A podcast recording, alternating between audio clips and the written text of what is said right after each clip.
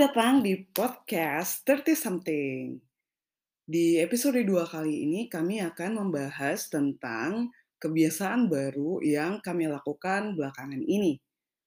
Yes, berskincare. uh, belakangan ini uh, kami, saya dan Rima, uh, sedang menikmati uh, menggunakan skincare dan juga menikmati membahas mengenai skincare. Dan uh, kami uh, berkesimpulan, jadi kesimpulan kami sementara adalah bahwa uh, skincare ini merupakan salah satu uh, kegiatan uh, yang termasuk ya mencintai diri sendiri gitu. Tapi di satu sisi kami juga uh, bertanya apakah uh, skincare ini adalah kebutuhan yang dikondisikan oleh pasar gitu. Jadi ketika uh, kami misalnya takut tua atau takut terlihat tua di usia 30 ini, uh, kami uh, harus menggunakan uh, krim tertentu misalnya untuk mencegah penuaan dini gitu. Atau apakah penggunaan skincare ini murni uh, sebagai bentuk mencintai diri sendiri seperti itu. Nah, di episode 2 ini di episode skincare berfilsafat kami akan mendiskusikan uh, mengenai esensi dari berskincare ini.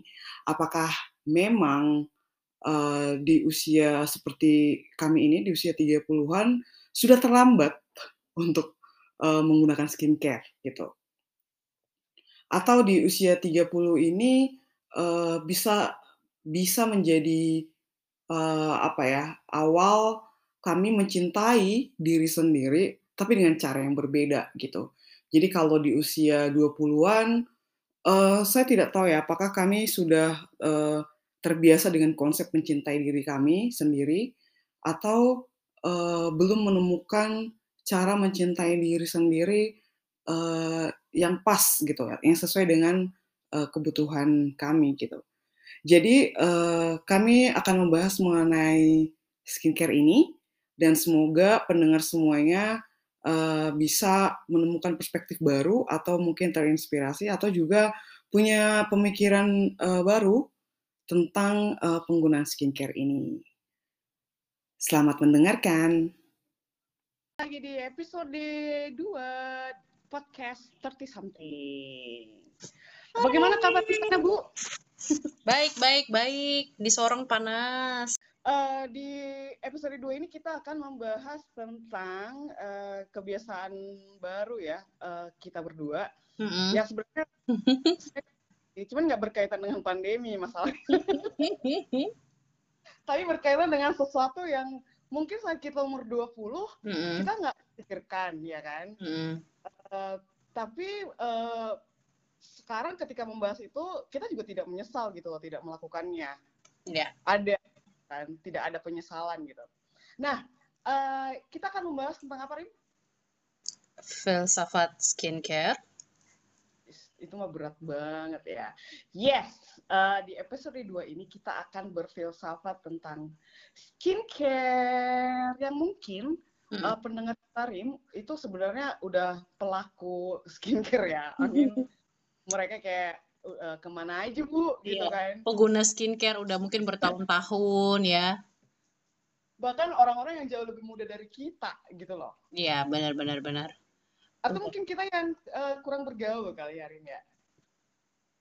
Bisa jadi. Kamu ingat-ingat lagi di waktu kita kuliah dulu, mm -hmm.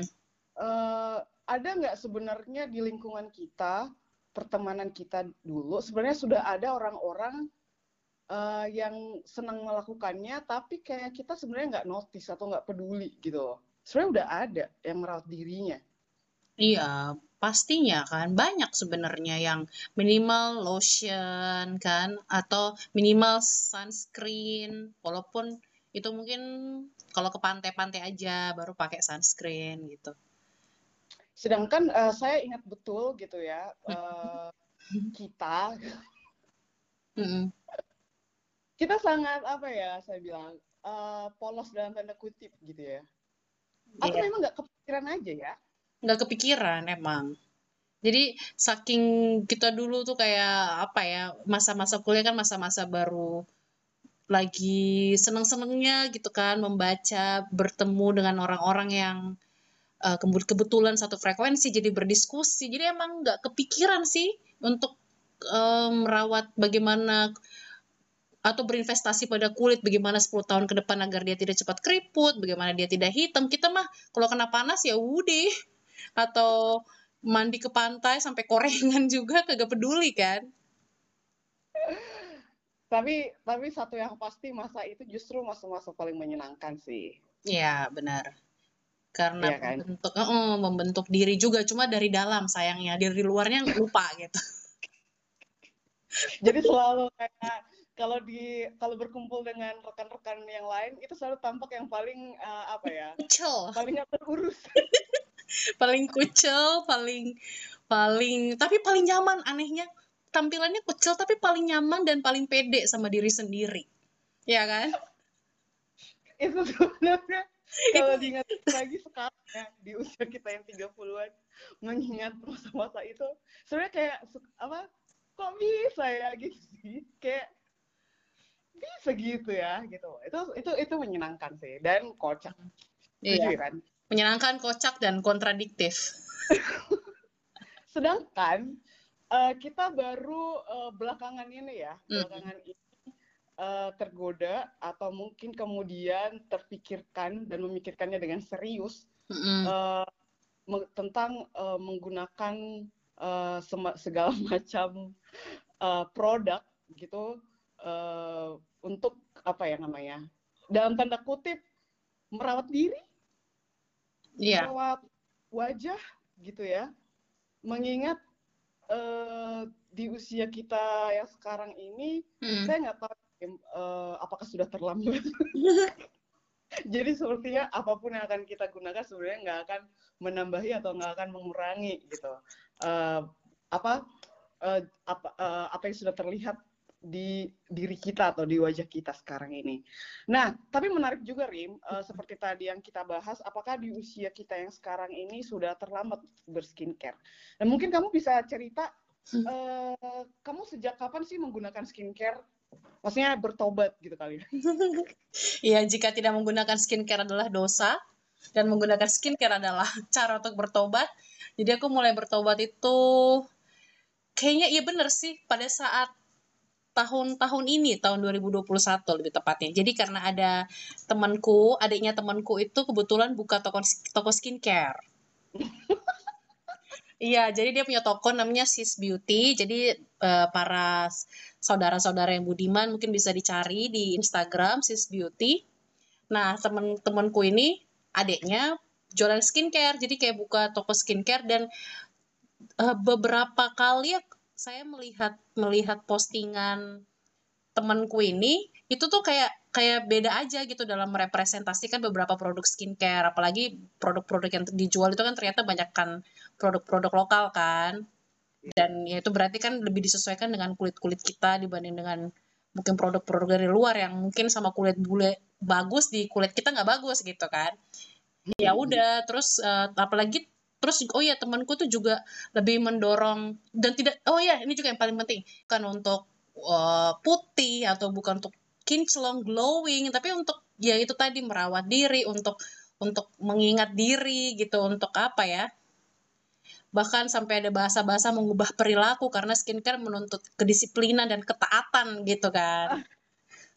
Jadi dari situlah uh, tahun ini juga saya baru mulai, oh kayaknya lucu juga. Dan itu juga diperkuat dengan beberapa realitas saya gitu kan di kota Jayapura yang panas dan kemudian harus berkendara selama lebih kurang satu jam setiap hari kalau bolak-balik ke kampus. Dan itu memang membuat kulit saya jadi kusam gitu loh dan ya itu tadi dan mungkin kesadaran saya untuk bertobat itu tadi juga baru muncul juga saat ini jadi kayak harmonis aja semuanya tahun inilah saya bertobat.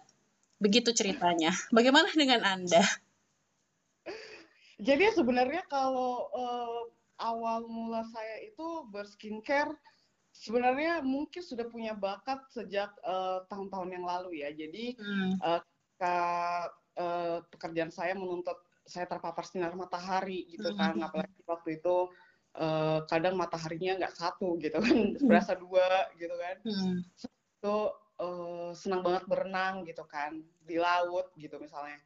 Uh, saya sebenarnya udah diingatkan atau bahkan ada teman-teman saya yang bahkan kayak ngirimin gitu ya terniat gitu. Oh iya. Uh, gel after swimming gitu atau gel after matahari gitu. Mm-hmm. Uh, saya nyoba tahan menggunakannya kayak dua tiga hari gitu dan barang itu uh, berakhir kedaluarsa dan akhirnya terbuang itu sebenarnya sayang banget sih.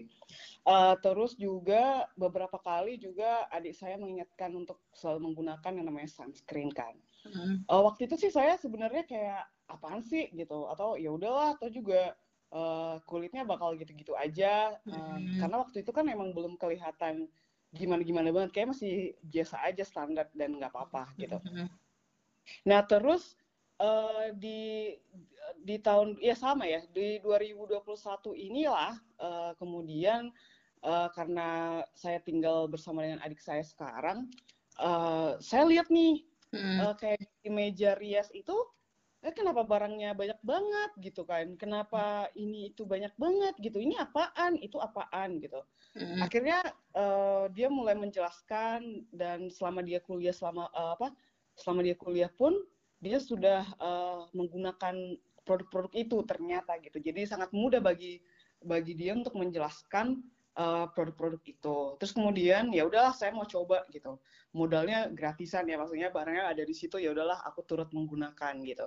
Sebenarnya saya termasuk orang yang uh, pesimis gitu. Maksudnya kayak apaan sih uh, produk skincare palingan uh, apa namanya ini apa kayak perusahaan-perusahaan kapitalis gitu kan yang mm-hmm. menjual produk-produk ini bikin orang takut tua. Aku aku waktu itu bilang mm-hmm. saya nggak apa-apa loh, uh, saya nggak apa-apa saya nggak apa-apa untuk terlihat tua atau untuk menjadi tua karena menjadi tua itu sebenarnya kayak uh, apa inevitable gitu nggak bisa dihindari so like hmm. ya ngapain sih produk-produk kayak gini gitu dengan dengan omongan nanti supaya umur 40 nggak keriput atau apa segala macam gitu kan nah awalnya kayak saya masih melawan gitu kan tapi di waktu yang sama ayo ah, ya udah saya coba gitu jadi kalau ibaratnya ibaratnya pasangan nih ya hmm. itu kalau hubungan saya dengan skincare itu uh, itu kayak dari benci jadi cinta gitu oh, kan. Aduh, parah. jadi awalnya dikritisi, di di, uh. di di apa namanya dilawan, ditiadakan hmm. atau di, hmm. dianggap sepele atau bahkan hmm. Uh, berpikiran jahat ya uh, hmm. perusahaan kapitalis gitu yang membuat orang takut ini yang melawannya gitu dengan tidak menggunakannya. Kemudian ternyata uh, sampai sekarang nih, sampai kita ngobrolin skincare ini, ya saya bisa dibilang uh, pengguna skincare. Jadi yang pengen saya benci itu saya gunakannya sekarang. Hmm. Gitu ceritanya. Menarik ya. Iya, tapi uh, kan maksudnya dari benci jadi cinta itu pun juga berproses kan. Panjang, iya. ada waktu. Tapi pasti nih ada kayak titik balik gitu atau alasan yang benar-benar mungkin fundamental begitu karena itu kan bayangkan dari yang dulu melawan kemudian menjadi menggunakan itu cukup drastis kan iya. kira-kira mungkin alasanmu apa sih alasan yang fundamental juga atau mungkin ya kayak ya udah sih mungkin coba aja dulu udah kayak waktu itu lagi lagi lagi ini aja lagi pengen melakukan hal baru mungkin atau uh, momen ketika kemudian saya sadar gitu oh shit gitu kayak men gitu itu waktu uh, adik saya menunjukkan foto saya sekitar tahun 2017 2018 hmm. uh, menunjukkan foto saya dan memperlihatkan flek hitam yang ada di wajah saya sih hmm. itu itu sebenarnya momen menakutkan dan sebenarnya uh, menyakitkan gitu loh karena di itulah aku menyadari bahwa men aku udah menyakiti kulitku ternyata selama ini gitu loh. Aku ternyata uh, tidak sesayang itu. Aku ternyata tidak memperhatikan kulitku sedemikian rupa sehingga uh, muncullah flek-flek hitam. Dan masalahnya Rim, flek itu itu secara merata itu ada di uh, dahi gitu. Hmm. dan kemudian make sense gitu dengan terkena terpapar sinar matahari secara langsung hmm. ber, uh, berjam-jam di laut dan setelah itu biasa aja maksudnya tidak hmm. kemudian menggunakan apa pun ya sebelum dan setelah berenang akhirnya menumpuklah jadi flek hitam Rim. Hmm, gitu. jadi ada ini ya uh, bukti begitu dari masa lalu dan itu membuat Monik tersadar. Yes, dan akhirnya kalau seperti pengalaman tadi hmm. uh, sebenarnya saya juga jadinya bertobat sih. Bertobat untuk membenci lebih tepatnya. Bertobat membenci. Oke. Okay. kenapa ini bertobat membenci? Karena uh, saya membutuhkannya gitu. Saya tidak suka melihat flek hitam ini gitu. Dan ternyata flek hitam ini adalah sesuatu yang masih bisa dihindari dan uh, dibersihkan gitu kan. Hmm. dan dan saya melihat setelah beberapa bulan terakhir menggunakan skincare dan saya lihat wajah saya gitu jauh lebih baik dari foto-foto itu. Jauh lebih baik gitu. Uh, saya lebih menyukai kulit saya yang sekarang gitu. Dan itu uh, efek baik dari produk skincare yang saya gunakan. Seperti itu sih. Hmm. tapi mon menurutmu itu ada kaitan nggak dengan bertambah tuanya usia kesadaran kamu jadi kan cara cara pandangnya juga berbeda juga karena kayaknya waktu kita masih masih muda dulu kayaknya mau ada apa juga di muka kayak panuan juga kita kagak pusing deh iya kan nah sebenarnya berpengaruh juga nggak sih itu iya maksudku itu juga yang kita pikirkan hmm. sebenarnya hmm. gitu apakah hmm. karena ya kita udah masuk angka tiga kepala tiga kemudian hmm. kita punya waktu dan punya kesadaran hmm. untuk uh, diri ya gitu. Mm-hmm. dan um, menurutku sih bisa jadi gitu. Di usia sekarang dan dengan cara berpikir yang berbeda dengan kelelahan. kondisi, kondisi kita kelelahan panjang. kelelahan kita akan hidup misalnya ya Allah udah kayak ngapain gitu kan.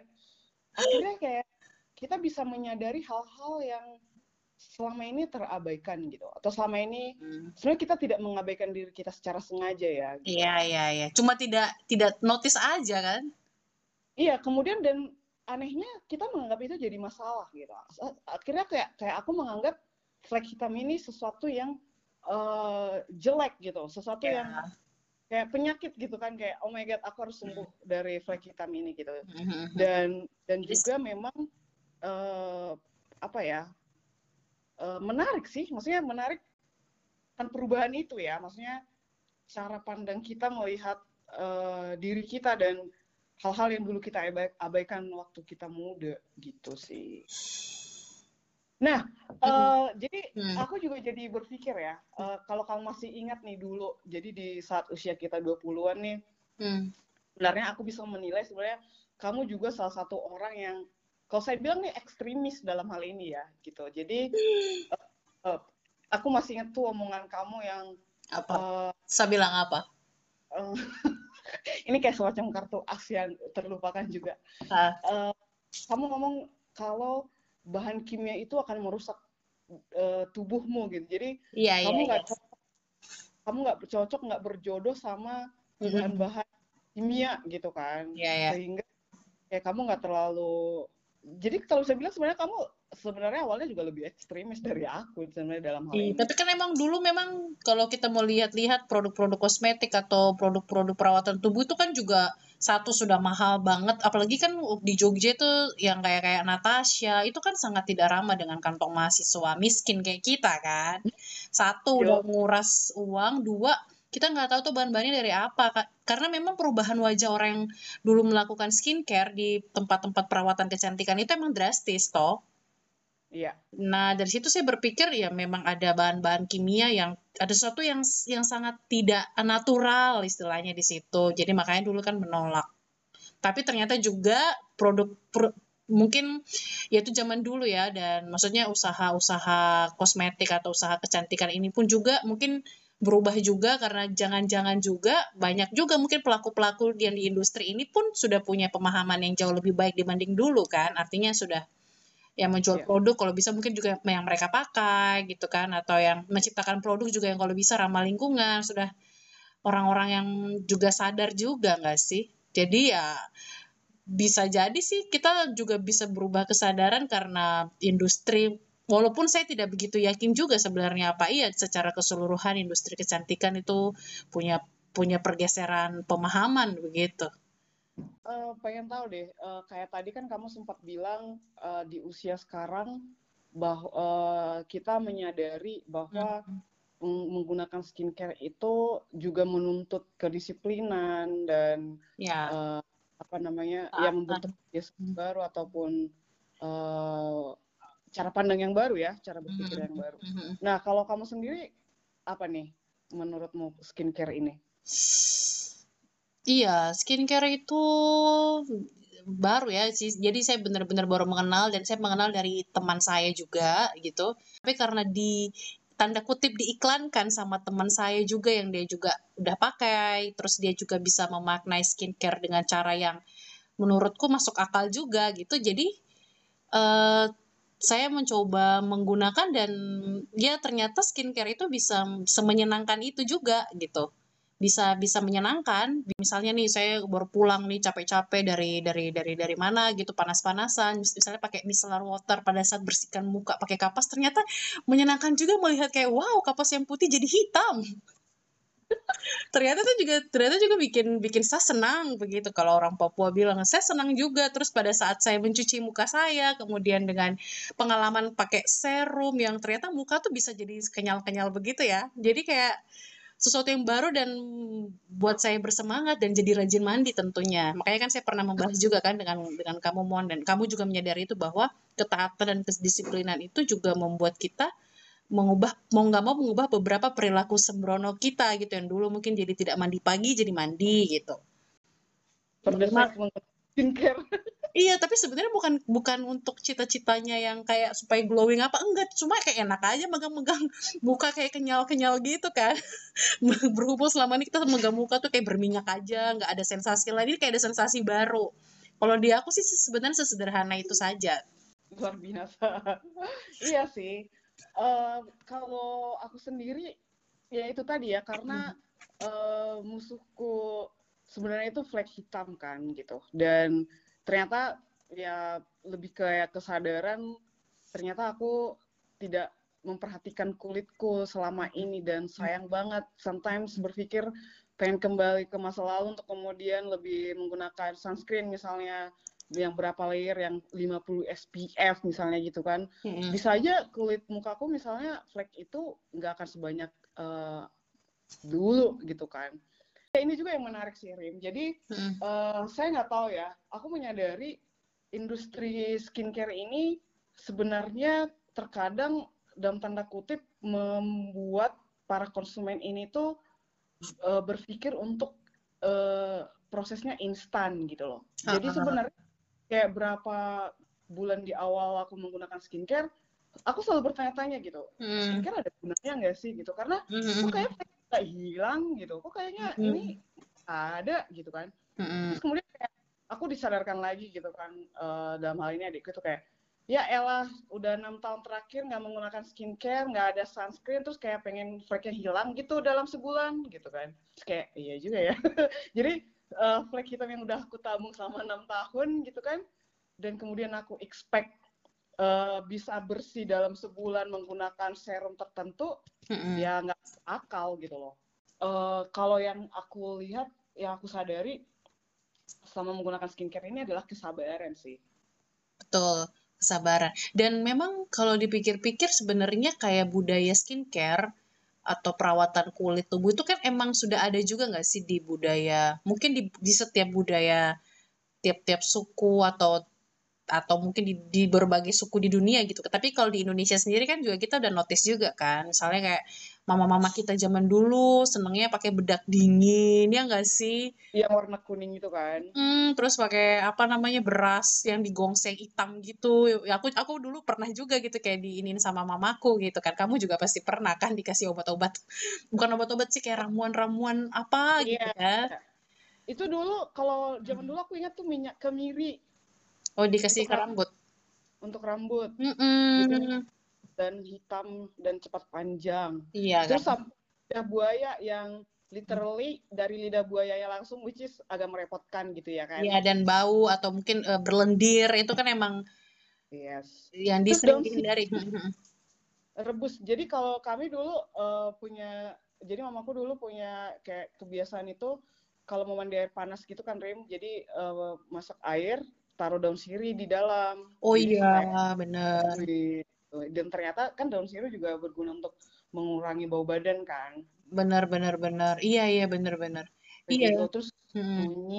iya sih jadi sebenarnya hmm. sudah ada uh, budaya itu kan budaya itu sebenarnya cuman hmm. sekarang itu di zaman yang modern ini hmm. uh, kerempongan tadi iya dikurangi dibuat, hmm. yes dibuat lebih sederhana gitu sih iya sih hmm. tapi sebenarnya nggak bisa dipungkiri uh, menggunakan skincare itu sebenarnya merepotkan juga loh iya kan Iya banget, apalagi kalau kita mau keluar-keluar kota kan, aduh harus dibawa juga ini kan, mana itu berat-berat. Kalau aku sih rempong sih kalau udah keluar kota. Terus harus bang lebih cepat dari biasanya karena akan ada adegan mengaplikasikan skincare dulu kan. Iya benar. Jadi nggak harus menyediakan waktu gitu loh untuk uh, belum lagi nunggu nyerap dulu ya kan. Iya benar-benar.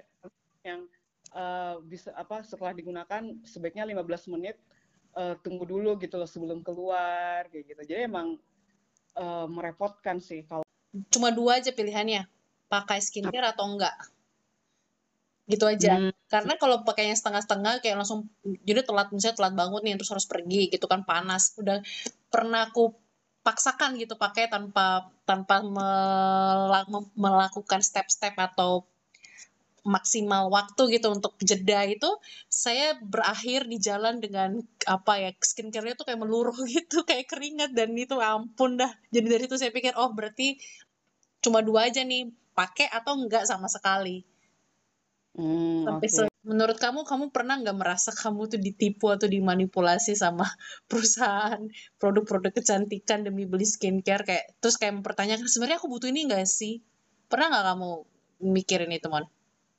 Iya di awal itu sih. Hmm. Jadi uh, dengan berpikir buruk ya hmm. uh, tentang perusahaan skincare dan produk skincare yang uh, menurutku menjual ketakutan gitu loh. Jadi uh, nanti supaya anda tidak uh, keriput cepat atau apa pakailah ini gitu kan. Hmm. Ya, itu saya berpikir uh, ya saya nggak takut takut saya nggak takut tua sih gitu kan. Hmm. Jadi ada semacam uh, kayak di ideologi ya, maksudnya kayak ditanam untuk takut tua gitu, atau ditanam untuk takut atau untuk jangan hitam gitu, atau hmm.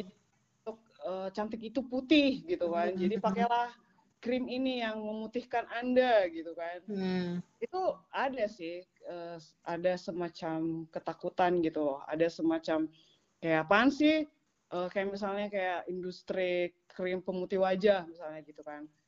Ya saya kulit saya kayak gini gitu. Dan kalau memang basicnya kulit seperti ini saya pikir uh, agak di luar uh, kewajaran kalau mengharapkan uh, kulit wajah jadi seperti aktris Korea gitu udah jelas-jelas basic kulitnya uh, beda, beda. Uh, uh. terus juga ini sih kayak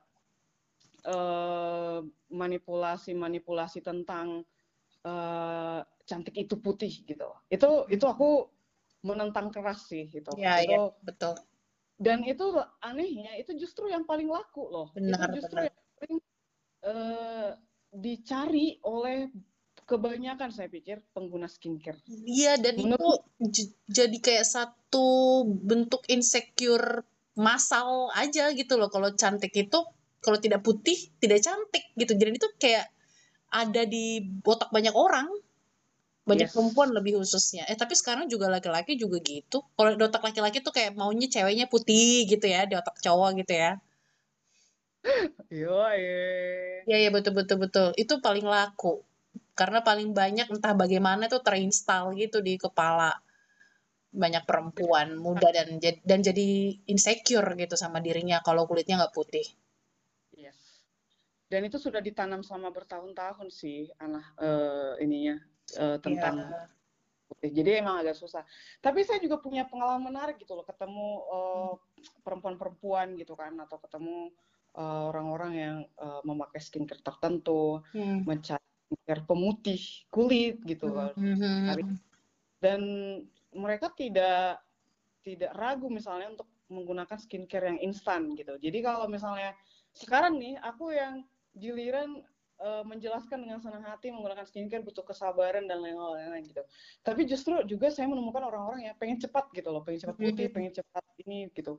Padahal uh, udah ada gitu orang yang basic kulitnya sebenarnya udah kuning langsat gitu, cantik lah gitu kan. Mm. Tapi kayak ada juga yang expecting mereka lebih putih lagi seperti aktris X gitu loh dan kadang-kadang eh, nggak uh, masuk akal gitu loh. Iya. Yeah, Apalagi yeah. putri uh, putih ala-ala Korea gitu, ala-ala apalah gitu kan produk-produk putih yang kinclong gimana gitu, yang kayak mukanya bisa ngaca. Nah, tuh.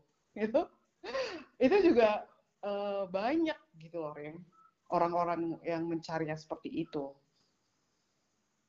Uh, kalau kamu sendiri apa tuh yang uh, manipulasi-manipulasi yang kamu temukan? Iya, aku sih lebih ke harga ya. Maksudku salah satu pakai skincare juga sekarang kan mungkin karena sudah bisa punya uang gitu sendiri. Kalau zaman mahasiswa jelas-jelas juga gitu, jelas sangat wajar juga kita dulu tidak pernah mikirin karena emang kita belum bisa menjangkau itu dengan uang uang bulanan kita kan yang terbatas. Yes. Nah ya kalau saya sih ke itu ke harga skincare itu yang memang mahalnya tuh kayak aduh astaga bisa bikin orang bangkrut. Iya, yeah, betul. Iya kan, harganya tuh kalau nggak yang di nggak pinter-pinter, apalagi yang sudah kemakan omongan cantik itu harus putih dan itu bisa instan dengan skincare itu kan bisa apa ya, kalau bahasa kamu emang menggali lubang kubur sendiri gitu. Dalamnya kan terlilit hutang lah atau apa gitu. Itu lebih ke situ sih ke ini jadi kayak mungkin bagi kita kalau yang mau beli skincare memang benar-benar harus sesuaikan dengan apa ya kebutuhan kita nih kita maunya apa gitu. Benar-benar kita butuh ya bukan egonya kita atau keinginan kita gitu. Kalau emang kayak aku nih harus butuhnya nih yang yang yang sunscreen supaya supaya apa namanya eh, panas itu nggak terlalu inilah parah lah nggak langsung langsung gitu ke ke muka misalnya kayak gitu kalau kita mungkin sejak sejak dari dulu ya mungkin tidak akan termanipulasi dengan janji-janji kayak gitu sih. Cuma memang bagi kebanyakan orang itu masih itulah cara paling baik gitu untuk memanipulasi orang supaya beli skincare atau produk-produk perawatan kulit gitu. Lawan juga sebenarnya manipulasi-manipulasi itu kan manipulasi iklan itu nggak ngaruh, nggak ngaruh banget, nggak ngaruh banget kayak di kita itu ya. Iya makanya kan sebenarnya kita bukan target konsumen yang mereka. Betul susah karena susah di apa ya susah dipengaruhi kan generasi-generasi muda gitu yang perempuan-perempuan yang masih remaja. Itu kan remaja kan masa-masa yang gimana ya mon? Penuh dengan mm -mm, bukan labil juga sih kayak kayak iya belum belum matang aja gitu kan. Pemahaman terhadap sesuatu persepsi terhadap dunia bahkan terhadap dirinya sendiri juga masih kayak digali gitu kan. Apalagi ada media sosial ya yang sangat juga turut membuat itu tadi pemahaman cantik itu harus putih itu juga semakin kuat juga kan. Apalagi kan misalnya kayak karena kita nih di usia 30-an ini hmm. kesadaran yang berbeda gitu. Jadi menurutmu apakah industri skincare ini berpotensi uh, harming uh, ke orang-orang atau anak-anak yang jauh lebih muda dari kita. Dalam hal ini saya remaja gitu. Berpotensi iya sih. Kalau misalnya mereka nggak kritis, iya jelas banget berpotensi kayak itu tadi jadi tidak punya pemahaman diri yang kuat apalagi kayak misalnya teori kecantikan mereka tuh tidak dibangun gitu sejak sejak dari dini gitu oleh mereka sendiri itu kan emang susah gitu bisa disetir lah akhirnya pema, pema, pemahaman mereka soal kecantikan dan akhirnya ya akan akan bisa disetir juga sama sama iklan-iklan gitu sama apa apalagi di endorse endorse artis ya. Ketika ada pemahaman soal skincare itu yang dibenarkan yang dibetulkan berarti itu akan jelas-jelas membuat konsumen yang berkurang dan itu berarti mengurangi keuntungan kan? Lagi-lagi seperti katamu tadi yang dijual juga kan juga bukan ya, ya tadi ketakutan sesuatu yang psikologis gitu sesuatu yang yang yang atau yang salah gitu pemahaman yang salah. Uh, menarik juga sih. Jadi maksudnya ketika di satu uh, skincare itu justru diharapkan bisa jadi salah satu bentuk uh, kita memperhatikan diri kita dan mm-hmm. kalau kalau istilahnya sih kalau kamu pernah dengar itu skincare is a new healthcare gitu. Oh. Uh, tapi di satu sisi sebenarnya industri itu pun bisa berbahaya gitu loh. Pemahaman-pemahaman yang ditanamkan sejak dini mm. terhadap generasi muda dan kita juga salah satu korbannya kan sebenarnya. Yeah. Uh, menjadi putih secara instan atau men terlihat glowing padahal sebenarnya basic kulitnya nggak akan putih gitu tapi pengennya putih gitu.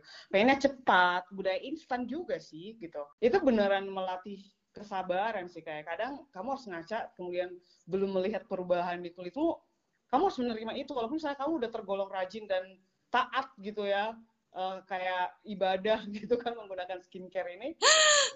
Uh, ya kamu harus bersabar gitu kan mau nggak ada pilihan lain gitu Uh, kecuali misalnya kalau kamu punya modal lebih bisa operasi gitu misalnya atau suntik apa gitu ya. Oh, Dan iya. sebenarnya itu salah satu potensi yang menurutku agak berbahaya juga adalah kita ditanamkan untuk takut menua sih.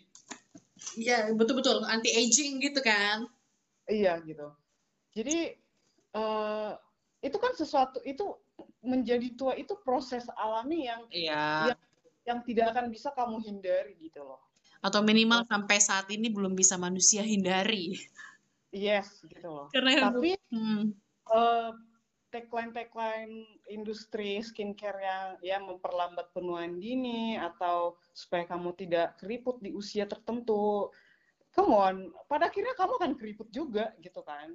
Itu tadi jangan sampai ada pemahaman-pemahaman yang belum beres di dalam kepala ini karena uh, itu bisa menyetir tadi gitu kan membuat orang menjadi tidak tidak tidak tidak secure juga kalau tidak pakai skincare misalnya kayak gitu itu kan juga salah kayak gitu. yes. gitu. tapi ya gitu tadi sih selama selama individu-individu yang menggunakan skincare itu paham kebutuhannya apa dan dia sudah punya basic um, ya tadi standar kecantikan milik dia sendiri yang dia bangun sendiri kayaknya ya aman-aman aja dunia sih. Permasalahan di kita tuh kayaknya di situ juga kayak konsep kecantikan kita tuh belum kita kebanyakan dari kita tuh bahkan mungkin ini aku masih menemukan ya orang-orang yang sudah tua, ibu-ibu yang sudah tua yang usia 40 tahunan itu masih insecure dengan badan dia sendiri gitu loh, yang gendut gitu. Padahal dia tuh anaknya udah tiga gitu. Tapi e, kalau menurut kamu sendiri sih sebenarnya cantik itu apa sih, Man? Berat, Bun. Uh, aku aku selalu percaya huh. kecantikan itu bersinar ya Ella gitu ya. Jadi glowing dong. Oh iya, tapi dari dalam bun ya.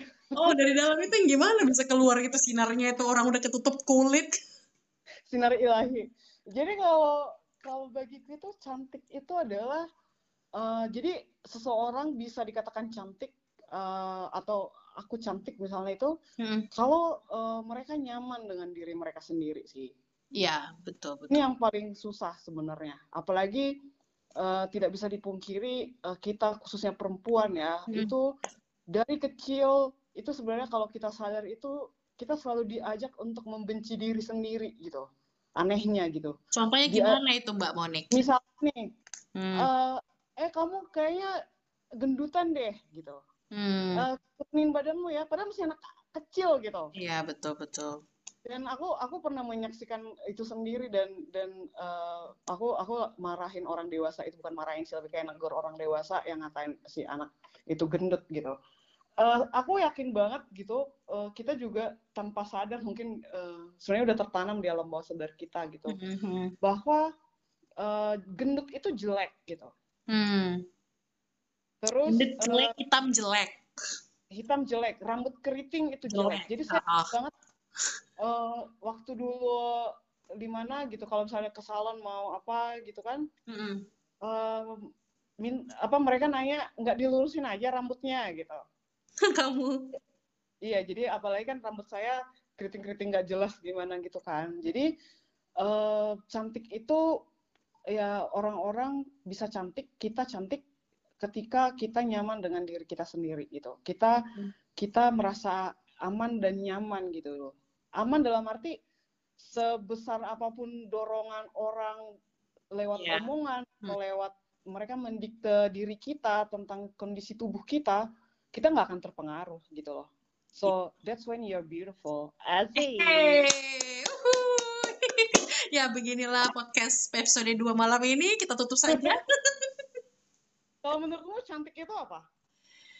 Iya lebih kurang kayak gitu sih. Cantik itu ya ya terima diri apa adanya sih. Maksudnya bukan apa adanya yang kemudian jadi tidak bisa berubah juga enggak gitu. Maksudnya kenali diri gitu kan kenali potensimu apa kenali kekuatanmu apa kenali juga kelemahanmu itu dan terimalah itu gitu loh sebagai bagian dari dirimu yang membentuk kamu dan pede aja sama itu. Biarpun gendut gitu biarpun um, rambut keriting giginya tongkos atau atau kulitnya hitam aku sering banget nih di di ejek itu aku hitam gitu. Dan syukurnya untung juga gitu aku punya punya punya apa ya kayak semacam perisai begitu.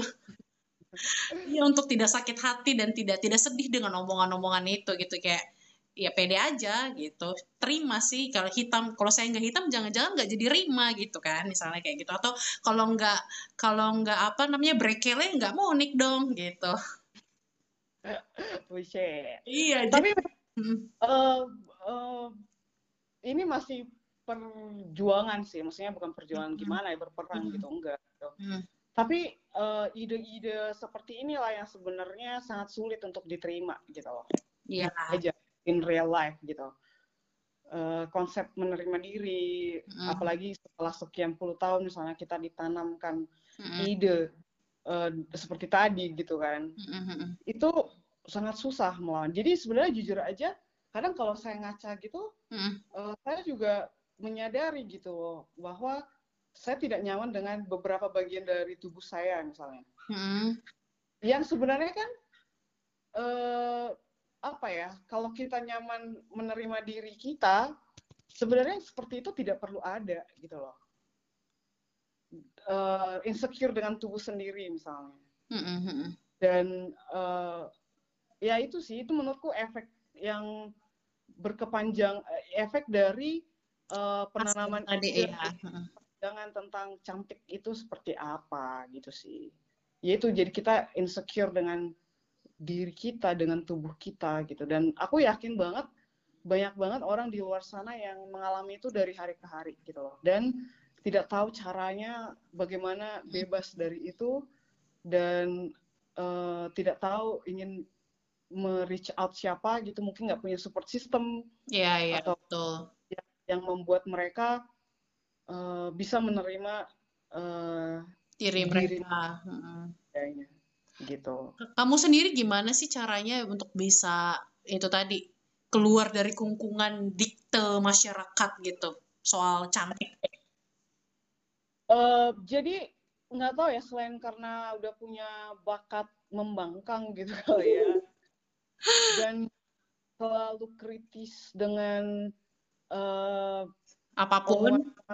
ya apa pun gitu dengan yang ditonton di TV yang iklan-iklan atau produk produk-produk yang dibuat di media omongan-omongan gitu. Mm -hmm. jadi memang uh, selain mungkin karena udah punya bakat seperti itu, uh, kupikir juga uh, bisa kritis itu karena punya banyak referensi berpikir ya, which is mm -hmm. aku dapat dari lagi-lagi membaca gitu. Ya, yeah, ya yeah, betul betul betul. Jadi seperti yang misalnya uh, aku mungkin kamu pernah ingat gitu, aku uh, aku menemukan banyak artis misalnya artis kulit hitam mm-hmm. yang dari Afrika yang dari uh, Papua.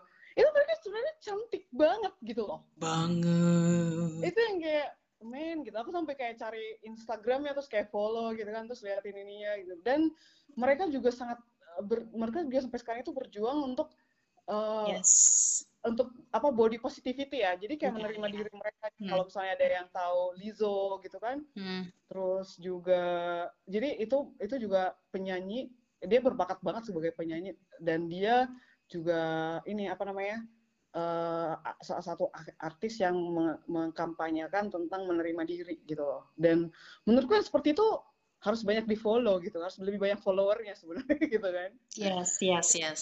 Betul. Uh, itu membaca memiliki banyak referensi bahwa kayak itu kan kayak kulit kita Indonesia ini yang sawo matang gitu misalnya. Mm. dan yang melanesia misalnya yang banyak melaninnya gitu kan di kulitnya gitu jadi hitam. mm.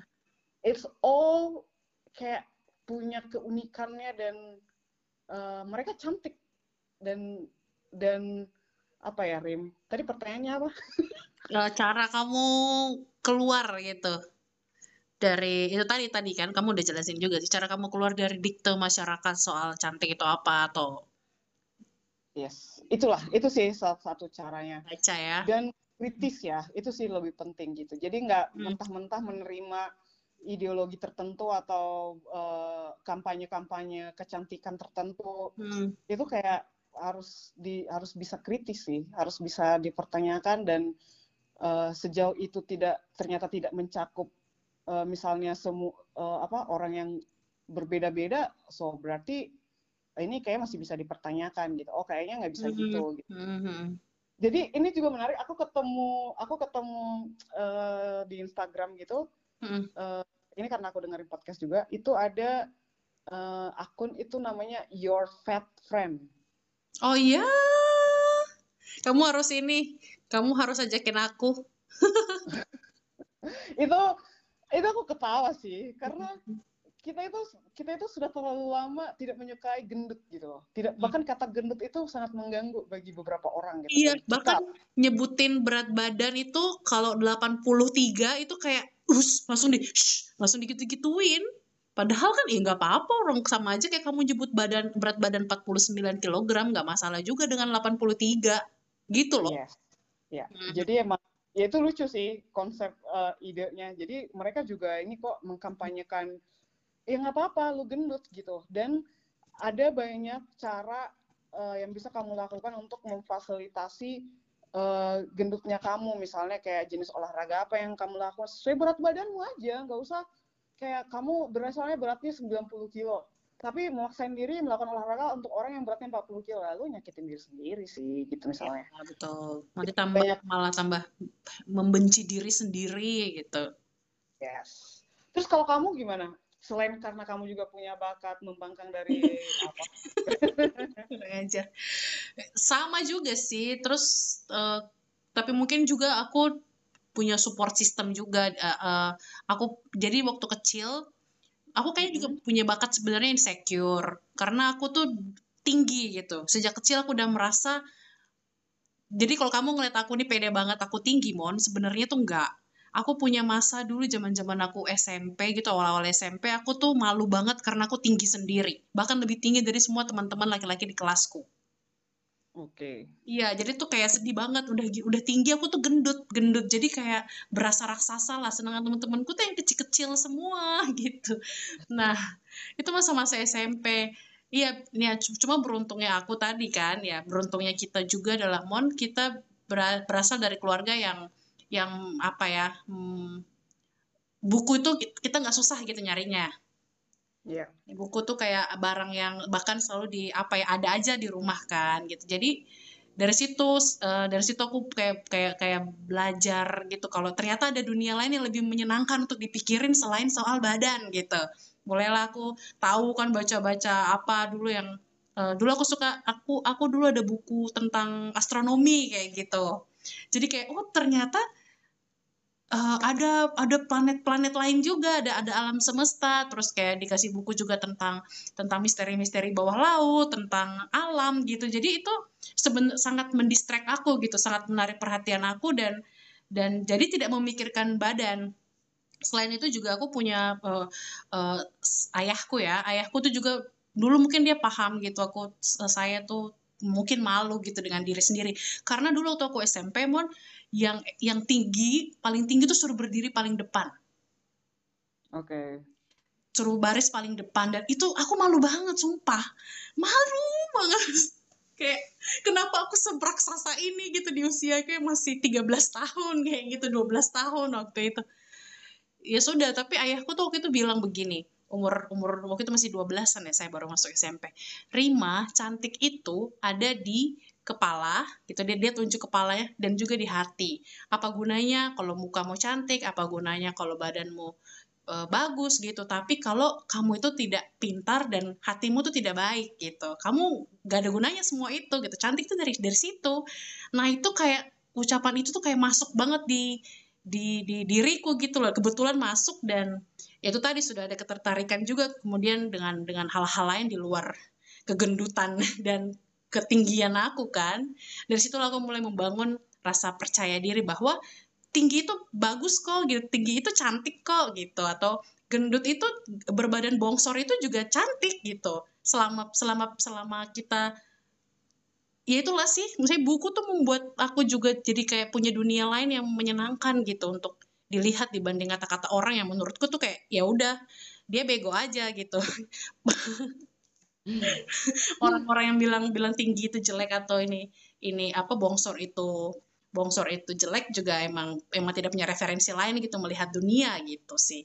Kayak gitu sih mon. Terus nanti setelah berapa lama gitu kan muncullah girl band girl band dari Korea gitu.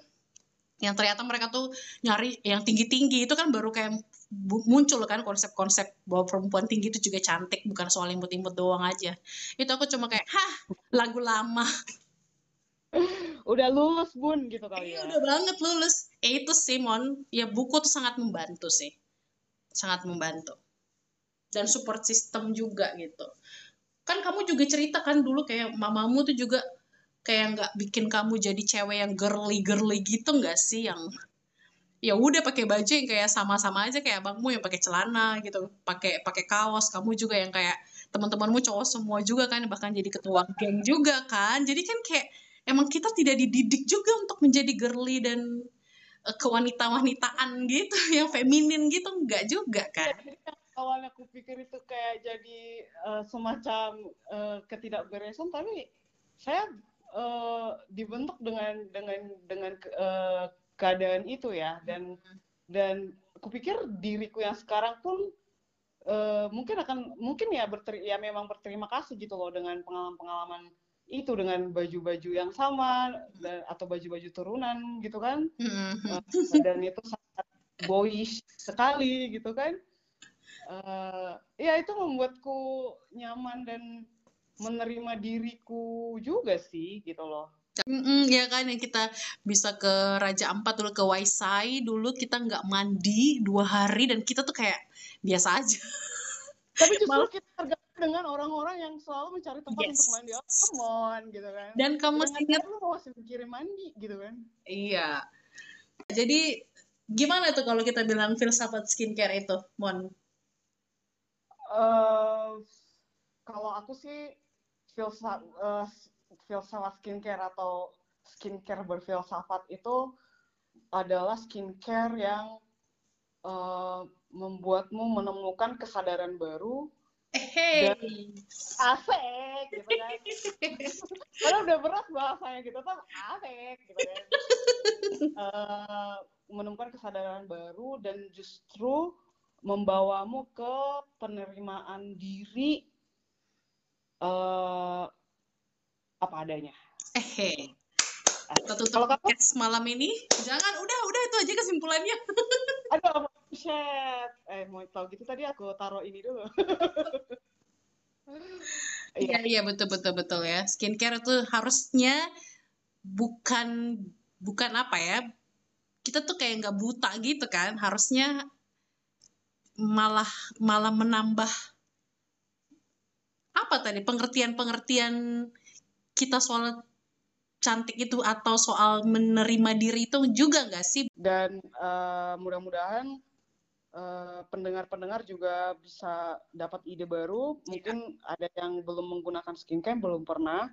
Jadi podcast ini bukan untuk memaksa Anda menggunakan skincare yeah. ya. Uh.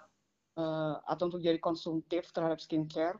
Dan bagi yang mungkin sudah uh, ahli menggunakan skincare, kayak uh, buat nambah-nambah perspektif kali ya. Mm-hmm. nambah, nambah kebijaksanaan gitu. Jadi pakai skincare oh. tapi bisa bijaksana juga gitu. Ya ampun, itu mah lebih berat tadi. Iya. Oh iya dan skincare juga ternyata bukan untuk cowok doang kan sekarang? Eh cewek doang, cowok juga bisa kan? Betul sekali. Tapi skincare itu masih pasar. Yes, itu selalu identik dengan perempuan. Oleh karena itu uh, kita mungkin jarang menemukan laki-laki yang mengaku berskincare. Kalaupun kita menemukannya pasti kayak satu dua aja yang ngaku gitu. Iya, oh yang lainnya kagak ngaku. Iya, karena uh, berskincare bagi mereka merupakan uh, aktivitas uh, aib untuk uh, terhadap masculinity gitu. Ah, ya jadi kesian juga ya sebenarnya laki-laki ya. Padahal mungkin jangan-jangan kalau misalnya jangan-jangan ini ternyata laki-laki tuh malah lebih suka berskincare ya daripada perempuan. Jangan-jangan. Baik udah melihat efek kalau mereka melihat efeknya langsung hmm, gitu kan. Hmm, bener kan? Jangan-jangan mereka ternyata yang lebih suka luluran gitu kan, lebih suka apa pakai serum gitu. Ya, itu bisa itu bisa jadi topik kita di uh, episode berikut. Tentunya kita berharap nanti akan ada episode berikutnya dengan topik yang uh, lebih menyenangkan lagi untuk okay. kita bahas hmm. dan uh, mudah-mudahan bisa menambah topik baik uh, untuk berdiskusi. Yeay, terima kasih semua yang sudah sudah sabar mendengar. Sampai jumpa di episode berikutnya. Dadah dadah.